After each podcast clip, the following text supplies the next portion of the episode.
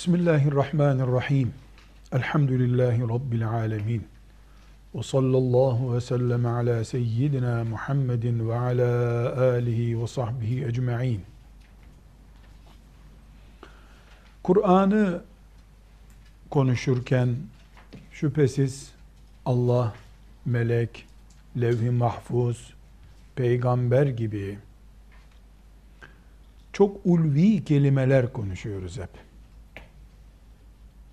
Gayb konuşuyoruz.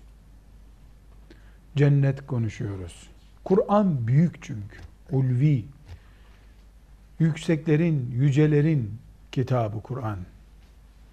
Lekasamun azim. Büyük bir yemin o. Kur'an büyük. Bu konuşmaya gerek yok. Sarhoş olduğu söylenen, bin melanet kötülüğe bulaştığı söylenen bir insana bile Kur'an hakkında ne düşündüğü sorulsa ansiklopedi demez herhalde. Yüce kitap, Tanrı kitabı bir şeyler der. Kimse Kur'an'ı küçük görmüyor. Biz de burada Kur'an'ın mecid olduğunu, Allah'ın yüce, azim sözü olduğunu izah etmek için vakit harcamamıza gerek yok. Ama siz genç ulema adaylarının ve müminlerin bütün iman edenlerin bilmesi gereken ve dikkatten kaçan başka bir hakikat var. Dedik ki bu kitap innehu le Kur'anun mecid. Büyük kitap. Levh-i mahfuzda duruyor. Elimizde yazılı nushası var. Önünüzde yazılı nushaları var ama aslı levh-i mahfuzda. Bu büyük kitabı Allah insan şartlarında korumayı murad ediyor.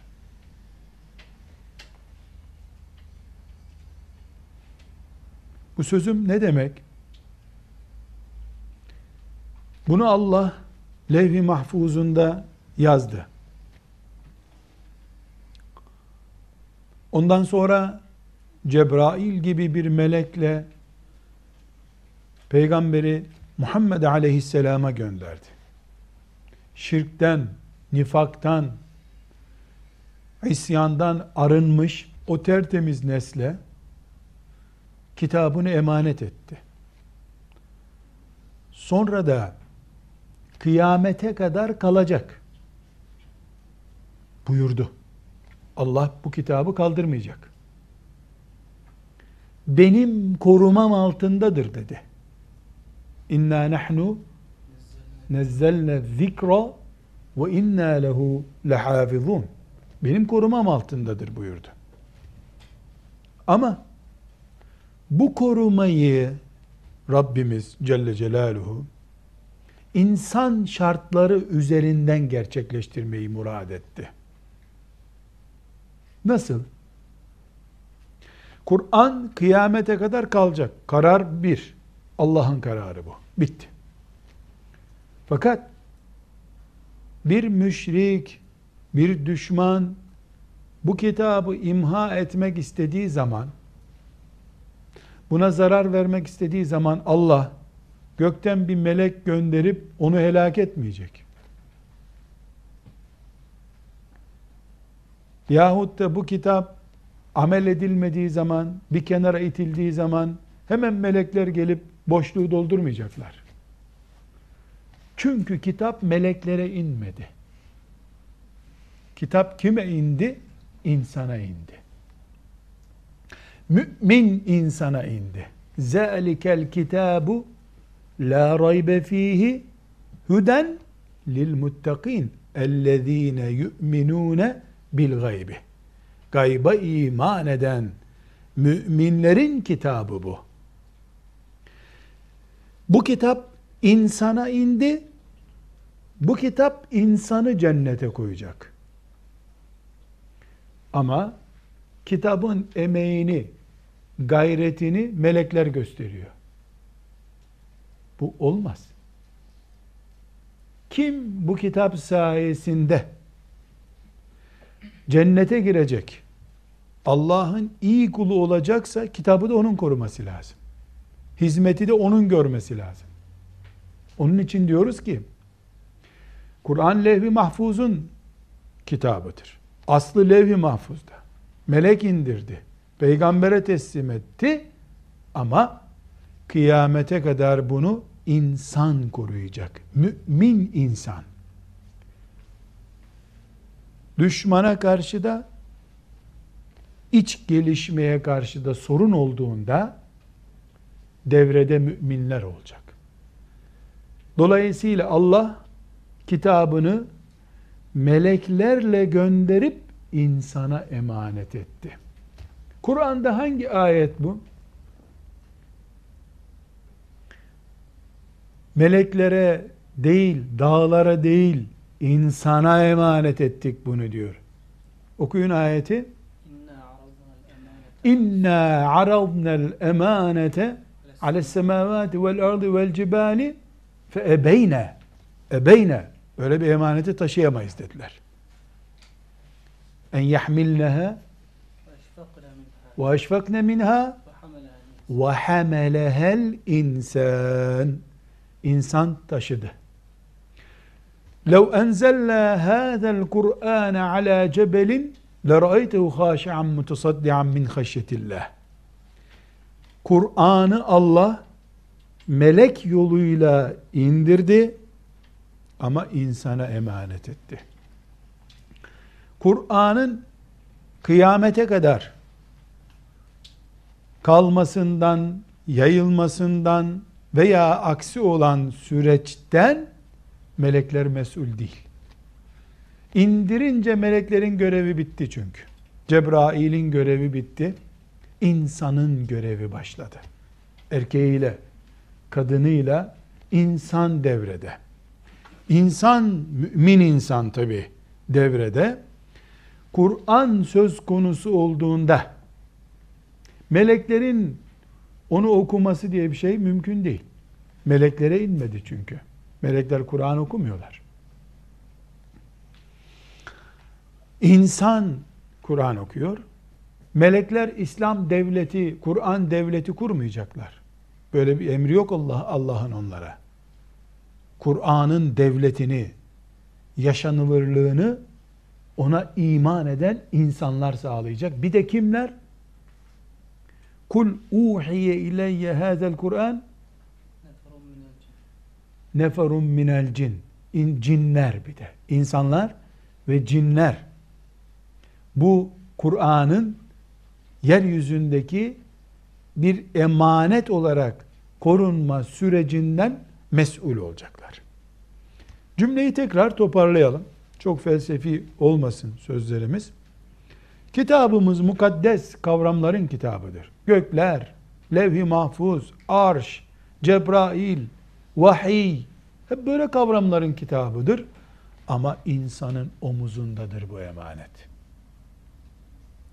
Eğer Allah'ın kitabı Kur'an yaşanılan dünyada revaçta değilse bu insanın sorumluluğu. Mümin insan mesul bundan.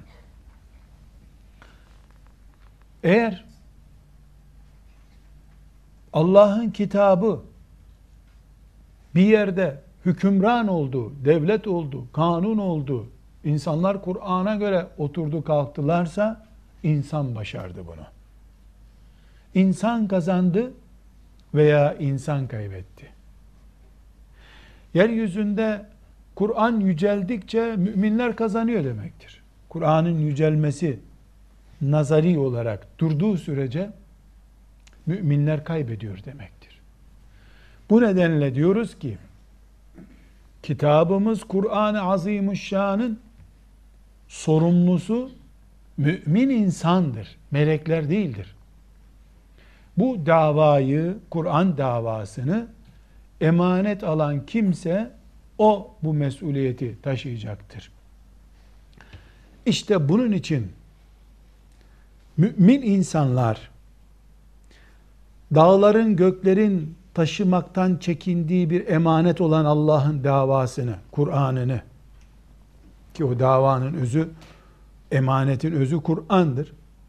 Bunu mümin insanlar omuzlanıp biz bu davayı taşırız dedikleri zaman bu onların bütün gayretlerini gösterip Allah'ın kitabını yüceltme zorunluluğunu bildiklerini ispat etmek durumundadırlar. Başka türlü mümin insanlar Allah'ın kitabı yüceler yücesi ve en büyük söz, en üstün söz olmadığı sürece kendi kendilerini kandırmış olurlar. Çok iyi Müslüman, çok güzel, hep ölen cennete gidiyor zaten. Kendi kendini kandırmış, aldatmış olur insanlar. Ashab-ı kiramdan itibaren Kur'an-ı Kerim'e karşı olan bu sorumluluğumuz Kur'an için neler yapabiliriz de bu emanet elimizde kaybolmaz diye çalışmalara sevk etmiştir müminleri. Kafirler de şeytanın adamları da saldıracakları zaman önce Kur'an'a saldırmışlardır. Neden? Çünkü Kur'an'dan sonra yeryüzünde Müslüman veya başka bir ayrıma gerek kalmaz. Müslümanı Müslüman yapan Kur'an'dır. Kur'an'ı elinden alınmış bir Müslüman ne kadar Müslüman olacak ki? Aküsü alınmış bir araba gibi olacak o zaman. Müslümanlar bir şeyler yapalım. Elimizden geleni yapalım diye gayret ettiler.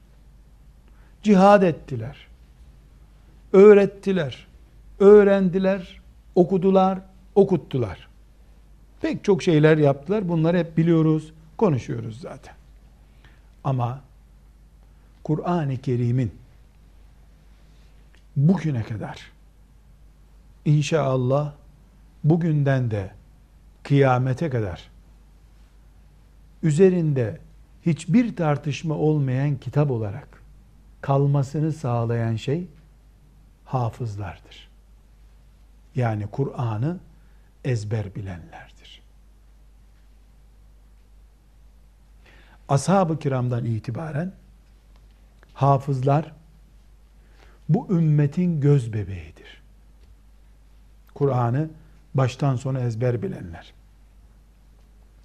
Neden ümmetin göz bebeğidirler? Çünkü biz Kur'an ümmetiyiz. Allah bize Kur'an'ın emanetliğini koruyabildiğimiz kadar mümin diyecek. Koruyabildiğimiz kadar Kur'an'ı biz mümin olarak bu topraklara basacağız. Kur'an'ı koruyabilmek de onu yeryüzünde unutulmadan bir sonraki nesle taşıyabilmektir. Bu da ancak hafızlarla mümkündür. Şimdi aklımıza gelir ki yahu bu kitabın yazılısı var işte. İyi de yazılısı yani kitap halinde olması okunuşunu göstermiyor ki. Hayır, ses kayıt cihazlarında da var. Doğru. Ama bu kitap mekanik cihazlara inmedi. İnsan kalbine indi.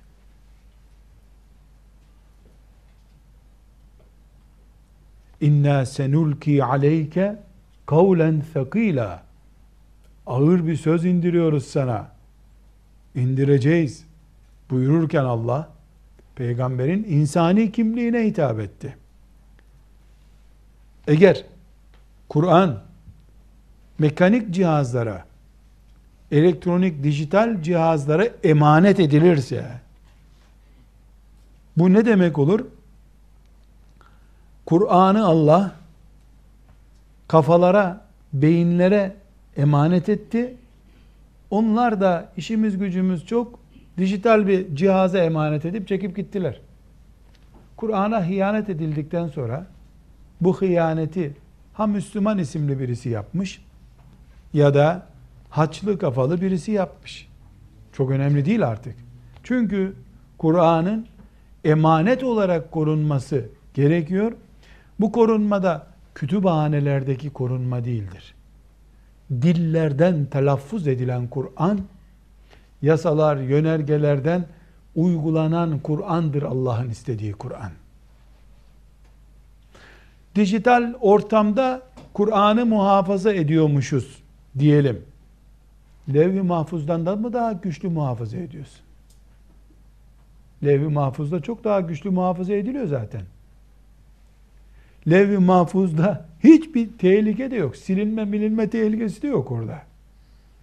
Yani Allah'ın haşa derdi diyelim haşa. Kaybolmasın kitabın bekleyin bunu ey mümin kullarım değil ki. Zaten Kur'an çok güçlü kuvvetli bir yerde bekliyor.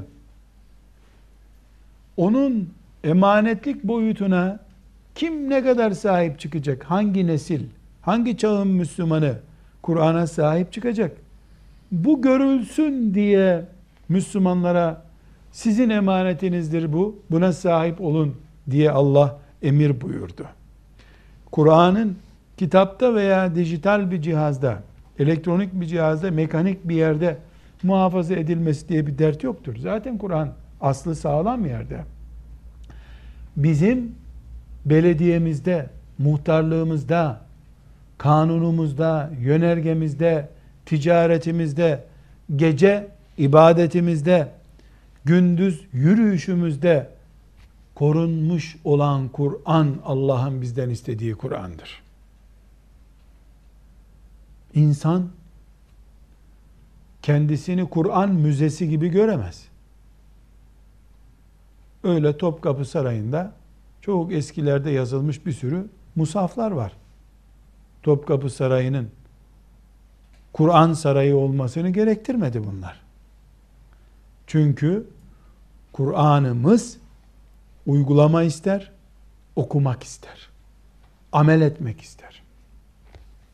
Bu sebeple Müslüman nesiller Resulullah sallallahu aleyhi ve sellem Efendimiz'den itibaren yani Kur'an'ın inmeye başladığı 1440 e, seneden beri yaklaşık olarak Müslüman nesiller Allah'ın bu emanetini pratik bir uygulamayla saklama mücadelesi vermişlerdir. Ezberlemişler, ezberletmişler. Okumuşlar, okutmuşlar. Amel etmişler. Daha önceki bölümlerde sahabenin sözünü hatırlayınız. Ne diyordu? 10 ayet alıp onun ezberleyip amel edince 10 ayet daha öğrendik. 10 10 10 10 böyle Kur'an-ı Kerim'le yaşayan, Kur'an-ı Kerim'le yürüyen insan haline gelmeye çalışmışlar. Bu çalışmalardan biri de işte hafızlıktır. Hafızlık demek Kur'an-ı Kerim'in Fatiha suresinden ilk suremiz Fatiha suresinden 114. son sure olan Nas suresine kadar Kur'an-ı Kerim'i okumak demektir. Ezber. Bir genç veya ihtiyar kimse artık Kur'an-ı Kerim'i bu şekilde ezberlediği zaman ona hafız denir. Hafız kelimesi hıfz kelimesinden geliyor Arapçada. Koruyucu demek. Bir şeyi muhafaza etmek diyoruz. Muhafaza kelimesi de bu kökten geliyor. Koruyoruz demek muhafaza. Hafız Kur'an'ı koruyan demek. Biz ona ezberledi diyoruz. Ezberlemesinin bize bu bugün ezberleyen bir gencin Kur'an'ı ezberlemesi bize bizden sonraki nesle Kur'an'ı korumak olarak yansıdığı için hafızın yaptığına Kur'an'ı korudu anlamında Kur'an'ı hıfz etti. Hafız oldu diyoruz.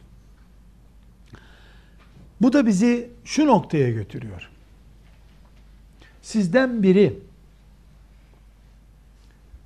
mesela Samet Hafız şey Musab Hafız yakında hafız oldu değil mi?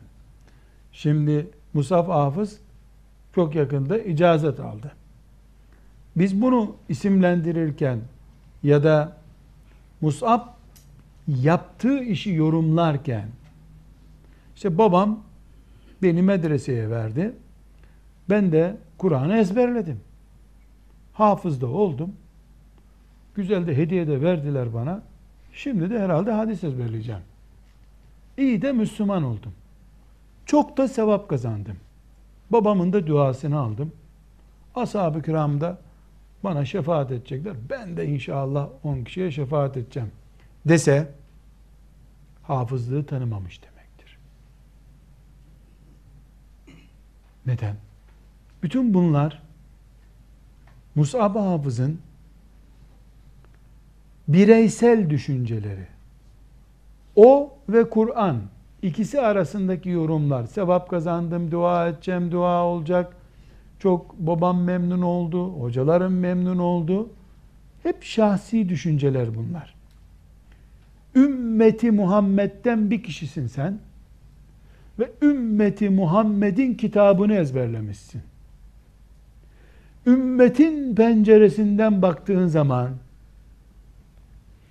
Allah'ın kitabını getiren Cebrail aleyhisselam, o Cebrail'den emaneti alan Muhammed aleyhisselam, onun talebesi Übey ibn Ka'b, Übey ibn Ka'b'ın talebesi Cündüb ibn Abdullah, onun talebesi filan, onun talebesi filan, onun talebesi filan, bir zincirsin sen.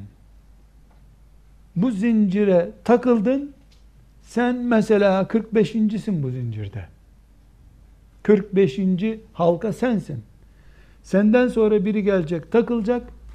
Böylece ümmeti Muhammed'in misal 500 sene sonra Kur'an diye bir kitabımız var. Bu kitapla biz Übey ibn Ka'be, ondan Muhammed Aleyhisselam'a, ondan da Cebrail'e, Cebrail'den de Allah'a bağlıyız bu kitapla biz. Dediğimiz zaman Mus'ab Hafız işte ey beş asır sonraki Müslüman sen Kur'an'la Allah'a bağlanırken 90 tane halkası olan bir zincirle bağlanacaksın. 45.si benim onun. Bu şu demektir. Mus'ab ve onun gibiler olmayacak olsa 500 sene sonra 1000 sene sonra insanlığın Allah'a bağlanacağı zincir kopmuş demektir. Emanet bu işte. Ben olmasam milyarlarca insanın levh-i mahfuzda aslı olan Kur'an'la bağı kesilecek diye düşünür hafız. Düşünmesi gerekir. Hafızın babası da çocuğum hafız oldu. Güzel Kur'an okuyor. Evimize bereket geldi. Çok sevap kazandım. Çok güzel hayırlı iş yaptık. Çocuğum kötülükten korudu. İşte sigara da içmiyor. Ne güzel melek gibi çocuk oldu. Çok bencil bakış bu. Bu çok bencil. Bu Enes İbni Malik bakışı değil. Ebu Derda bakışı değil. Çok kısır, köhne, lokal bir bakış bu. Musab'ın babası, hafızın babası bu ümmetin kıyamete kadar akacak olan deresi benim kapımdan geçti diye övünç duymalıdır. Hafız bu demek çünkü. Übey ibn Ka'b olmasaydı hafız olarak, Cündüb ibn Abdullah hafız olarak olmasaydı, biz bugün elimizde Kur'an olacak mıydı? Veya 1900'lü yılların başında İslam aleminin tamamını işgal eden kafirler, zalimler içeriden ve dışarıdan birleşerek Kur'an'ı kendi beşiğinde boğup mezara koymaya çalıştıkları o zulüm döneminde sayıları binlerce olmasa bile 3-5 tane hayatlarını Allah'a adayıp Kur'an'a hizmetle yaşamak isteyen o Kur'an dostları dağlara, mağaralara, ahırlara, ormanlara çekilip üç çocuğa, beş çocuğa elif cüzü okutalım. Allah'ın nuru sönmesin diye gayret etmeselerdi. Mısır'ından, Suriye'sinden, Irak'ından, Türkiye'sine kadar her yer işgal altındaydı. Herkes aç, sefil, Kur'an ve onun ehli zulüm görüyor. Böyle bir dönemde Kur'an nuru sönmesin diye o halkaya takılmış olan Allah dostları çalışıp gayret etmeselerdi bugün biz hangi Kur'an'ı okuyacaktık? Belki elimizde Kur'an'a dair üç ayet kalıntı bile kalmayacaktı. Şimdi dönüp geriye bir asır önce o canhıraş gayretleri gösteren ümmetimizin şerefli insanlarını yerler gökler kadar büyük bir rahmetle anıyoruz. Yeryüzünde Allah dendiği sürece, bir Fatiha, bir ayet okunduğu sürece onlara inen rahmet eksik olmasın. Şimdiki bolluk, rahatlık döneminde ne olduğunu anlamıyoruz biz ama onlar o zaman bu büyük gayretin içine girmeselerdi bugün belki Kur'an bulamayacaktık biz. Aynı şekilde şimdi teknoloji çağı geldi. Şımarıklık dönemi başladı. O günkü zulmü aratmaz bir gevşeklik var. İnsanlar çocuklarını diploması olan, popülaritesi olan mesleklere doğru saldılar. Kim 10 satır üst üste ezberleyemeyecekse onu da Kur'an'a kurban ettiler. Müşriklerin Mekke'de dişi keçileri Allah için kurban edip erkek yani tekeleri böyle daha e, eti taze olanları da kendileri zevkle yedikleri gibi. Müşrik zaten putperest onda bile e, menfaatine olanı dokunuyor. O kafayla Kur'an'a bakan bu nesil içinden üç tane beş tane de olsa hafız çıkıp Allah'ın kitabında Übey ibn Kâb'ın halkasına takılmak için gayret eden 10 tane erkek, 10 tane kadın çıkmazsa 50 sene sonraki nesil böyle bir Kur'an var. Teyplerde, cihazlarda var, MP3'lerde var ama insan bunu nasıl okuduğunu bilemiyoruz. Deyi verirler maazallah. İşte bunun için ümmeti Muhammed'in Allah'ın en büyük emaneti olan ve bu emaneti yeryüzünde insanla korumayı murad etmesi Allahu Teala'nın ki öyle murad ediyor. İnsan üzerinden bu projesini yürütecek Allah. Dileseydi kuşları, bülbülleri Kur'an hafızı yapardı Allah. Ama madem insan bu Kur'an'la cennete girecek, korumasını da insan yapacak.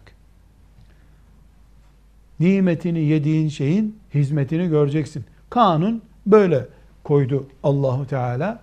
O zaman biz Kur'an hafızlarını ümmetin en büyük mücahitleri olarak görürüz. Hafız demek mücahit demektir.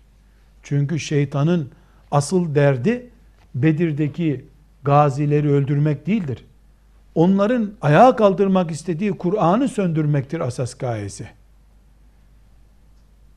Kur'an yaşanmadıktan sonra ne Bedir'den ne de Uhud'dan rahatsız olmaz şeytan. Asıl hedefi Kur'an'dır. Vel gavfi Kur'an'ı gürültü yapın susturun diyen şeytandır. Madem öyledir, şeytanın en büyük derdi olan ya da şeytanın en çok en yoğun faaliyet gösterdiği şey olan Kur'an'ı söndürme, insanlığı karanlıkta nursuz bırakma savaşına karşı çocuğunu Kur'an'a adayan anne, hafız yapan anne 21. asrın hannesidir. Onun çocuğu da Meryem'dir. Erkek olsun kız olsun. Çünkü Tevrat zamanında Hanne annemiz o eziyeti, o kur fedakarlığı üstlendi. Bu zamanda da Teknoloji Yahudinin yaptığını yapar hale geldi. Anneler, babalar, hafızlar neye sahip çıkacaklarını artık anlarlar demektir. İşte onun için diyoruz ki Allah Kur'an'ını insan üzerinden korumak istiyor. Böyle murad etmiş. Muhtaç olduğundan değil. İnsan da kazanacak bu işten diye. İnsan Allah'ın rızasını kazanıp cennete girecekse Kur'an'a sahip çıkacak. Herkes elbette hafız olmayacak ama herkes Kur'an'a hizmetin sevdasını taşıyacak.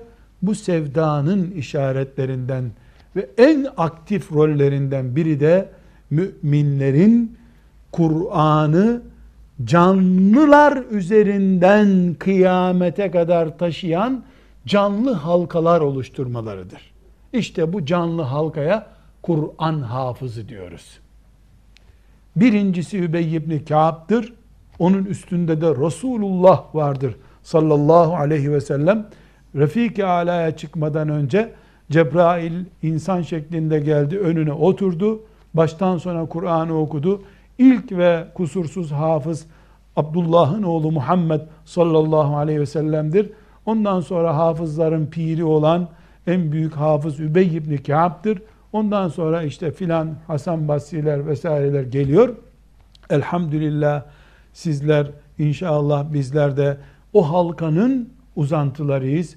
50. 70. halkası da olsak, küflü paslı halkada olsak elhamdülillah o takıldığımız halkadan dolayı iftihar ediyoruz. Kendimizi Bedir gazisi, Uhud mücahidi görüyoruz Allah'ın izniyle. Velhamdülillahi Rabbil Alemin.